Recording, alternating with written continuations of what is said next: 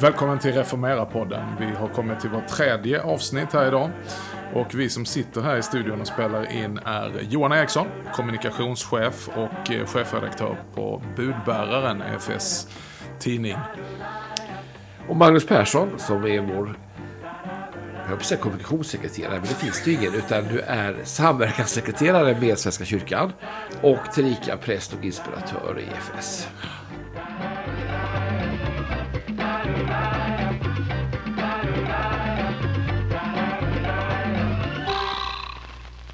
Och här sitter vi nu, vi har ju precis eh, börjat det här och blivit varma i kläderna.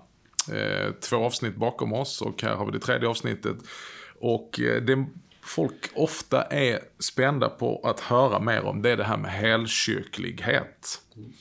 Det finns ett spännande citat av en av Sveriges kanske mest kända biskopar i modern tid, eller vad ska jag säga det, Bo Giertz. Han har ett citat som för mig har blivit, ja, en programförklaring för hur jag tänker och arbetar. Jag tänkte att vi ska läsa det och så ska vi diskutera det lite grann. Han säger så här, vill man se vad sann kristendom innebär, det är ganska, det är ganska kraftigt uttryck.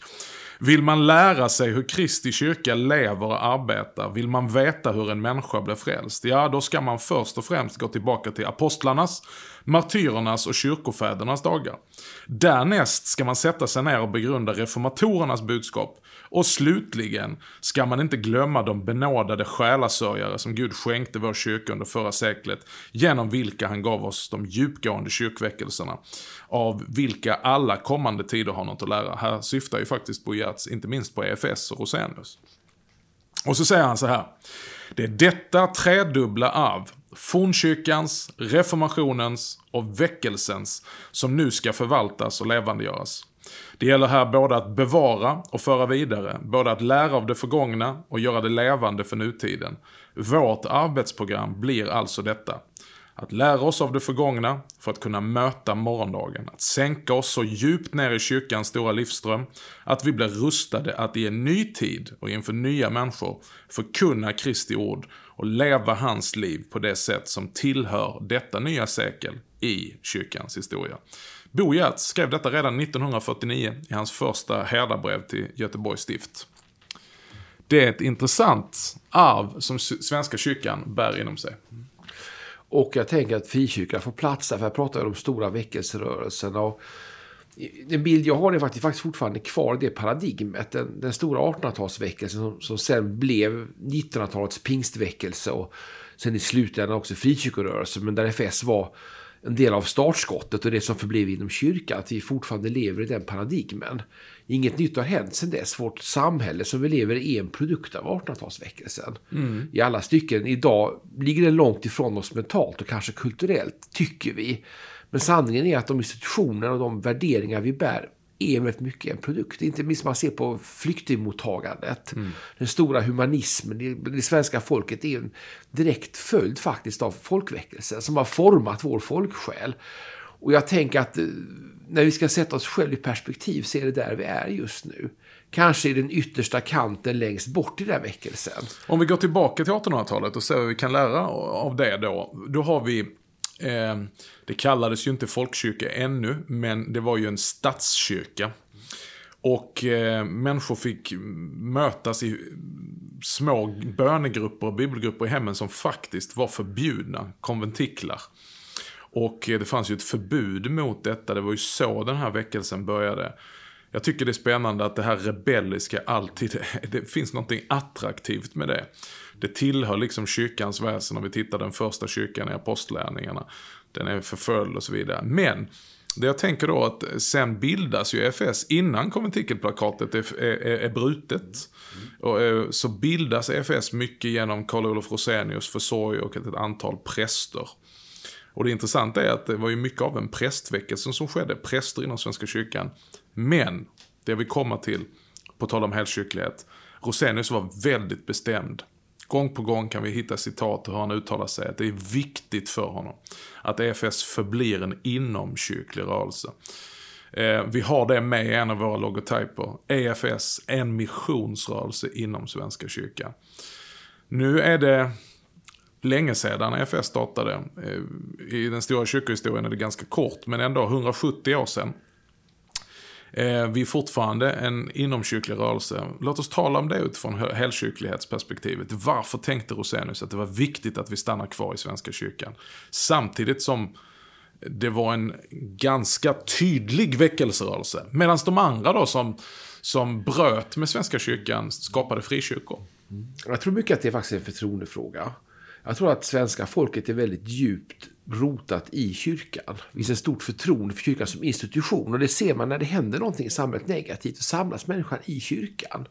Att när det liksom går snett, det är dit man söker sig. Och så finns det en kyrka med ett högt torn i mitten på varje by. Mm. Flera stycken i varje stad.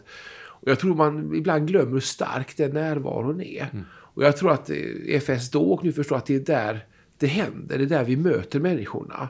Och ska vi predika evangelium till ett folk så tror jag att det är den bästa platsen att utgå från. Jag kommer ihåg när jag pratade med dig om detta faktiskt. Ehm, eh, bara slå mig nu, det var inte förberett att säga detta. Men en av dem, när du mötte mig så var jag ju ledare för församlingsplantering. Det vill säga vi planterade församlingar ute i stadsdelar och städer. Och jag berättade för dig hur det kändes kymigt att komma till en stadsdel. Alla stadsdelar i Sverige ser likadana ut. Du kommer dit, du ser torget, du ser Konsum, du ser eh, den lilla frisören eh, som, som, som eh, eh, ja, men de här klassiska bitarna. Och vad finns där mitt i alltihopa? Jo, Svenska kyrkan.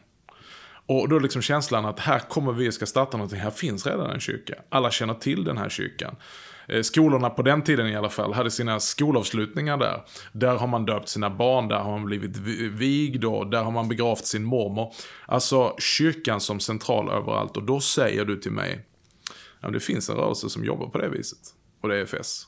Vi kommer till stadsdelarna men vi, vi kan om vi vill och om vi skulle kunna bli lite bättre på det, istället för att starta nytt och köra eget, faktiskt arbeta tillsammans med Svenska kyrkan. Och så gör vi mycket. Jag tänker Hammarbykyrkan, där du är verksam nu, är ett exempel på en sån kyrka. Mm. Som är en stadsdelskyrka i Stockholm, som faktiskt började som en samarbetskyrka mellan Svenska kyrkan och EFS. Där EFS då Svenska kyrkan drog sig ur avtalet och lämnar oss mm. ensamma. Men fortfarande med kyrkans uppdrag. Och mm. Det kanske är det fina med EFS, att vi är fullt ut Svenska kyrkan.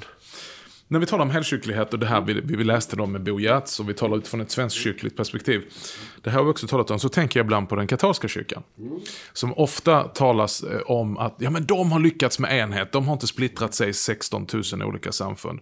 Det är en sanning med modifikation brukar jag säga. För inom sig har de mängder med grenar, men det de ska ha heder för, det är att de har lyckats bevara och skapa rymlighet. Jag tänker på jesuiterna. Jesuiterna som var någon sorts motreformation samtida med Luther. Ignatius och, och, och, och eh, den rörelsen som nu 500 år senare har lett till att det faktiskt är en jesuitpåve som sitter i Rom. Ehm, det är någonting jag beundrar med den katolska kyrkan, att man kan ha olika betoningar, olika rörelser, jesuiterna utbildar sina egna jesuitpräster, det finns speciella jesuitkyrkor, eller jesuitpräglade kyrkor, vi har en sådan i Stockholm till exempel. Eh, och man tittar inte snett eller tittar konstigt, utan det här är liksom någon form av rikedom och dynamik. Jag tänker att detta borde vara lösningen för Svenska kyrkan. Och delvis är ju EFS någon form av jesuitrörelse inom Svenska kyrkan. Jag brukar säga att vi är den enda accepterade orden i Svenska kyrkan. Mm. Och enkla faktum att våra präster är vigda av biskopen till tjänst i Svenska kyrkan mm. och EFS. Mm ser vi ju samma. Och det här är ganska intressant med just den här helkyrkligheten som också blir där man då har tilltal till ett samhälle så blir det också ett väldigt förtroendekapital. Ja. Man utgår från den kända kyrkan, från det mm. trygga. Och jag tänker att det är också frikyrkans stora problem att skapa sig den legitimiteten. Just det. Och att skapa sig den närvaron, för det finns alltid en misstänksamhet. Ja, det intressanta är att den svenska kyrkan eh, har genom sin historia som kyrkan mitt i byn. Alltså precis som du sa innan Nord, syd, öst eller väst, vilket samhälle ute på en liten sucken eller mitt inne i storstan, var du än tittar, så sträcker det sig ett trotsigt kyrktorn. Mitt ibland affärskomplex och kontor så, så finns kyrkan där. Det har alltså skapat sinnebilden för svensken vad en kyrka är. Och där måste evangelium predikas. Så tänker på sa, så tänker att essensen är att då måste kyrkan också predika evangelium. Exakt. Och där tror jag FS stora uppgift är faktiskt att, att vi vill predika evangelium. Det är vår bit i kyrkan att stå för att peka mot den här centrumrörelsen. Mm. Evangeliet, Jesus Kristus, så som korsfäst är kyrkans centrum. Mm. Och jag tror att det finns också en attraktionskraft när man är redo att möta den. Att när man kommer till kyrkan så möts man inte bara av sympati, deltagande, klapp på axeln eller ett budskap som kanske kliar i öronen i form av life coaching eller ett väldigt fokuserat eh, på Guds nåd. Utan att det faktiskt möter evangelium mm. i kyrkan. Och jag tänker att det är vår stora uppgift i FS det är att predika evangelium i kyrkan.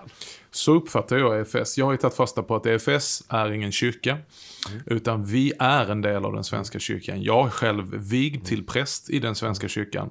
Men med tjänstgöring för EFS. Och eh, jag tycker därför, därför brinner jag för det här samverkansarbetet. Det är lite skevt ord egentligen, samverkansarbetet. För hur kan du samverka med någon du redan är en del av? Eh, men in lack of better words så, så brinner jag för det här arbetet där EFS kan bidra med förnyelse, vitalisering, eh, engagerade lekmän och bygga levande församlingar i Svenska kyrkan. Men det är ju inte alltid smärtfritt, eller hur Johan? Nej, och ett bra exempel vi pratat om kanske är Sankta Clara i Stockholm. En kyrka som väldigt många känner till. Inte så många vet att det är en FS-kyrka. Och mm. den modellen de har valt är ganska intressant för att det är en, en tydlig stadsdelskyrka i, mitt i Stockholm som egentligen skulle bli museal. Där man valde att starta en FS-förening i kyrkan. Inte en samarbetskyrka utan egentligen en samverkansmodell där man skapar en FS-förening som då får bära det andliga livet. I det här fallet anställa prästerna, utföra det diakonala uppdraget åt domkyrkoförsamlingen i Stockholm. Mm. Och bevara det andliga livet i församlingen. En församling mm. som idag då samlar kanske 500-600 personer en vanlig söndag till gudstjänst. Har en mycket stark diakonal närvaro mitt i Stockholm på Plattan och kvarteren runt omkring, Malmskillnadsgatan och så vidare. Och här kan man ju faktiskt säga att här har vi tecken på helgkyrklighet. Mm. Mitt emellan T-centralen och plenisalen. Mm. Alltså mitt i Stockholms hjärta, Sveriges hjärta. Mm. Så finns det här då det Bo Gert säger, det tredubbla arvet. Mm. Här har vi en kyrka som bygger på fornkyrkans rika arv. En liturgi, och en, en gudstjänstutformning och delvis en kyrka där det faktiskt, som är faktiskt byggd där det har funnits Klaranunner. Sedan 1200-talet så har man bett på den här platsen. Den är väldigt präglad av reformationens evangelium. Eh, och den har med sig den här varma väckelserörelsen från 1800-talet med sin EFS-koppling, sin karismatik och sin diakoni. Ett mycket gott exempel. Vi har anledning att återvända till det vid ett senare tillfälle. Bra Johan, tack!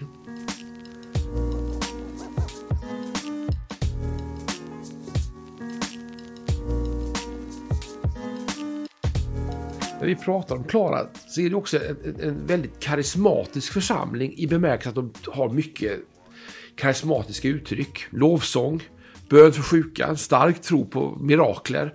Ett möte med de utsatta människorna, de tilltufsade som man säger, både med fysisk hjälp i form av mat och sovplats, men också i form av förbön, vägledning till frälsning och sen undervisning i det kristna livet. Där vi ser ett fantastiskt exempel, inte bara helkyrkligheten utan också kyrkans hela funktion att föra människor genom livet. Exakt.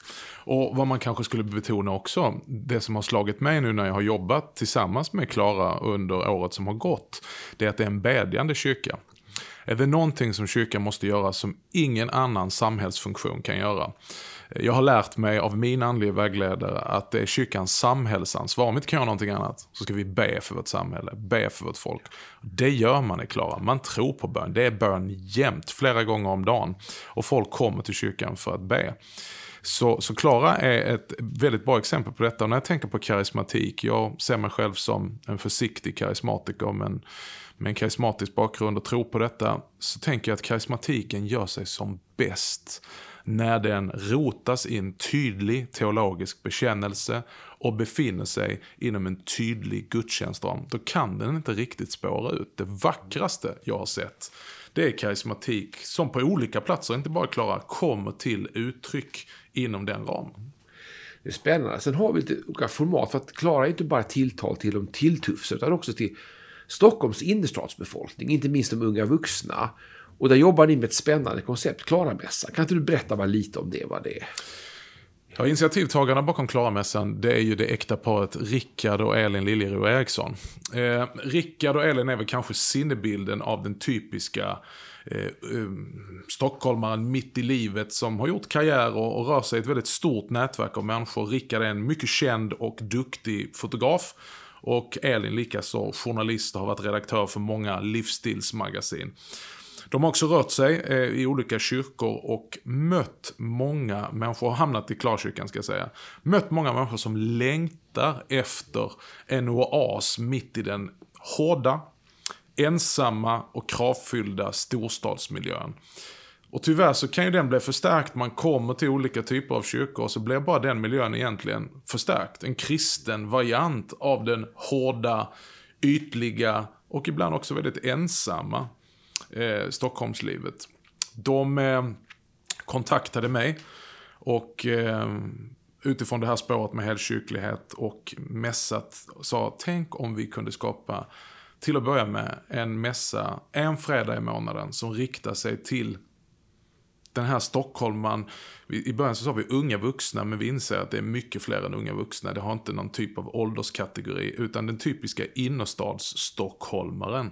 Som är en andlig sökare, eller kanske till och med också en troende kristen, men som längtar efter fördjupning i tro, som längtar efter ro och vila och stillhet och få ett evangeliskt tilltal. Mässan startade på allvar i höstas. Vi har hunnit med att ha nästan fem stycken. Och de har växt i antal och det är väldigt spännande att se att det finns en efterfrågan för den här typen av helkyrklighet mitt i Stockholm. Mm. När man tar det vidare ett steg till Hammarby som är en, inte förort längre, är fel att säga, var en förort gång i tiden. Nu är det en, ett område som genomgår en ganska stor demografisk förvandling med Hammarby sjöstad och sen gamla Hammarby som där gamla faktiskt dör av och unga familjer flyttar in, barnfamiljer. Finns också kyrkan mitt i byn, uppe på höjden. Mm. Första man ser när man går av tunnelbanan på Skärmarbrink. Ja. Och där finns en livaktig, stark persisk församling som har växt och tagit mycket om sig i media med Anita Persani i spetsen. Men där är du inne nu för att jobba med den svenska delen av föreningen. Mm, lite samma, samma princip eh, som bakom Klaramässan, men det här är ju då en, en, en, för hela församlingen på ordinarie guds, gudstjänst och högmässotid. Söndag förmiddag att skapa Hammarbymässan eh, bygger liksom på samma principer. Att skapa en ny gudstjänstglädje och eh, också eh, vidga begreppet till, till en helt kyrklig, alltså inte bara en typisk EFS label. Utan EFS står ju i ett sammanhang. Vi står i den svenskkyrkliga lutherska världsvida gemenskapen. Och det lutherska som vi sa här för några avsnitt sedan ser sig själv som den reformerade katolska kyrkan. Alltså det finns enorma källor att ösa ur. Som vi sa i början av det här äh, avsnittet med Bo Giertz. Att det är fornkyrkan, det är reformationen och det är väckelserörelserna. Så det är det vi försöker Eh, jobba in i det vi då kallar för Hammarbymässan. Att det finns ett fornkyrkligt, allmänkyrklig förpackning. Det finns ett väldigt tydlig, tydlig betoning på förkunnelsen att den är reformatorisk och evangelisk lag och evangelium. Men att det också finns väckelserörelsernas värme, engagemang, förbön, öppenhet för det karismatiska. Och det liksom landar alltihopa runt ordet och bordet. Mm. Jag måste tänka också på förkunnelsen, vi kommer in på den här tiden. Du talar om ett tilltal till nutidsmänniskan som är fylld av både krav men också skam och skuld. Om man, om man, man ska göra en kort programförklaring för det reformatoriska budskapet. Ja, då kommer vi in på den här konferensen vi ska ha i Klara 8-9 maj. Varför vi tycker vi, vi vill trycka på det, en kristen människas frihet, freedom. Du nämner ju någonting där. Vi tänk, många tänker så här. Människan eh, håller inte på med det här med lag och bud längre. Men grejen är, vi är notoriskt eh, lagiska som människor. Det är bara det att vi byter ut lagen hela tiden. Så kanske inte människan jämför sig med tio Guds bud, men nu kommer buden i form av Instagram, i form av livsstilsmagasin, i form av snacket som går mellan föräldrarna som hämtar och lämnar på förskolan. Jag skulle säga så här att nutidsmänniskan bedömer och rannsakar sig själv mer än någon annan människa genom historien. Om Luther hade ångest på medeltiden så tror jag att den genomsnittliga svensken har ännu mer ångest. Hela tiden så är det, är jag tillräckligt bra förälder? Har jag tillräckligt bra, tränar jag tillräckligt mycket? Är jag tillräckligt smal? Men jag får inte vara för smal heller. Jag får inte vara eh, otränad men inte för otränad heller. För allting kan döma ut mig. Jag måste äta riktigt. Vi är nästan religiösa när det kommer till mat. Vi tittar snett och vi dömer. Alltså ibland så, när man ser det sekulära samhället så tänker man oh my gosh, detta är värsta versionen av den, den liksom eh, fundamentalistiska, lagiska eh, frikyrkan med syndakatalogen. Och den finns nu i vårt samhälle.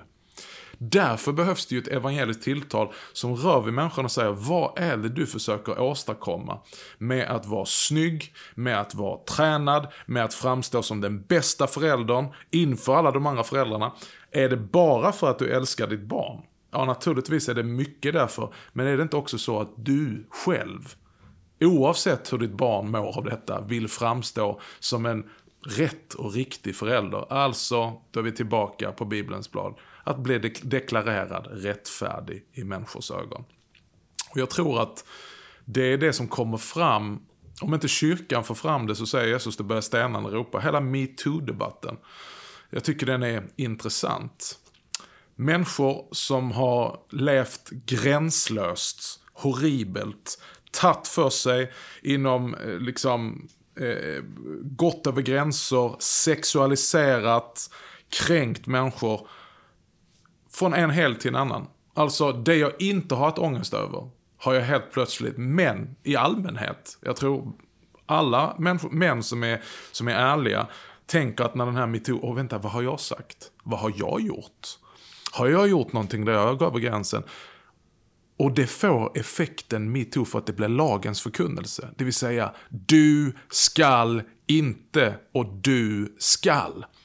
Men problemet är att samhället kommer aldrig längre än vad man ska kräva, vad man ska göra. Men det finns aldrig något evangelium i samhället. Det finns aldrig någon förlåtelse, det finns aldrig någon nåd eller upprättelse. Utan det finns bara en obarmhärtig dum som faller över människor. Och detta tror jag många människor sliter under och därför behöver de höra goda nyheter. Evangelium i Kristus Jesus.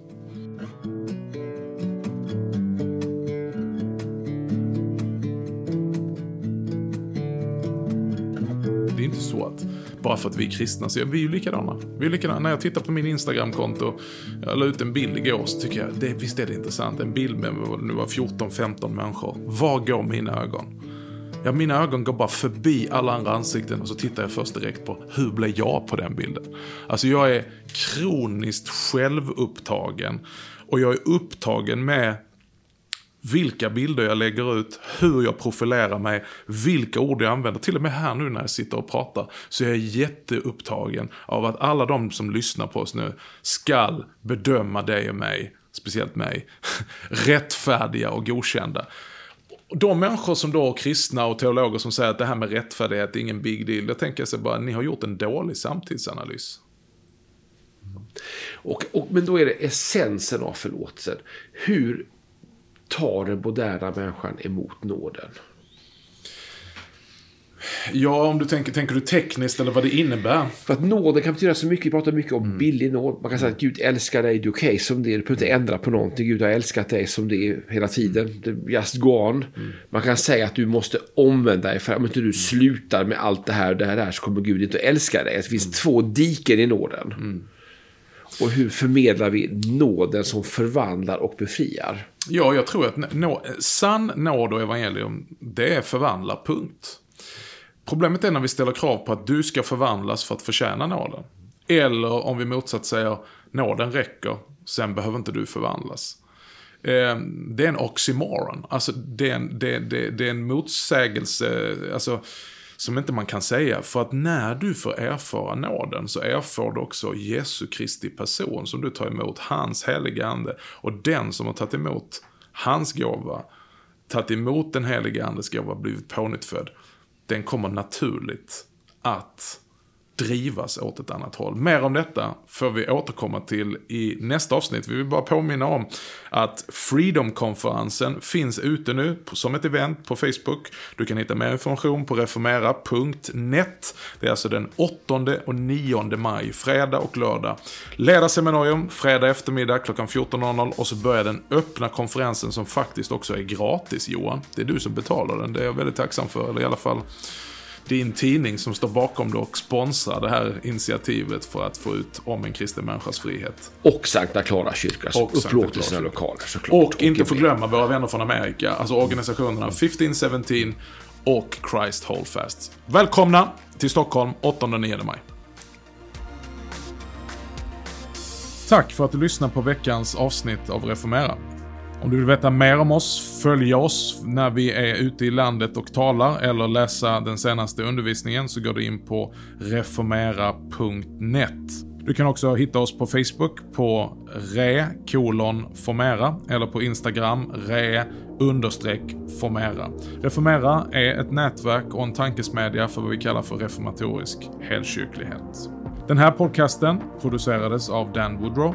Klippare var Andreas Lundström. Och Reformera produceras i samarbete med EFS och Budbäraren.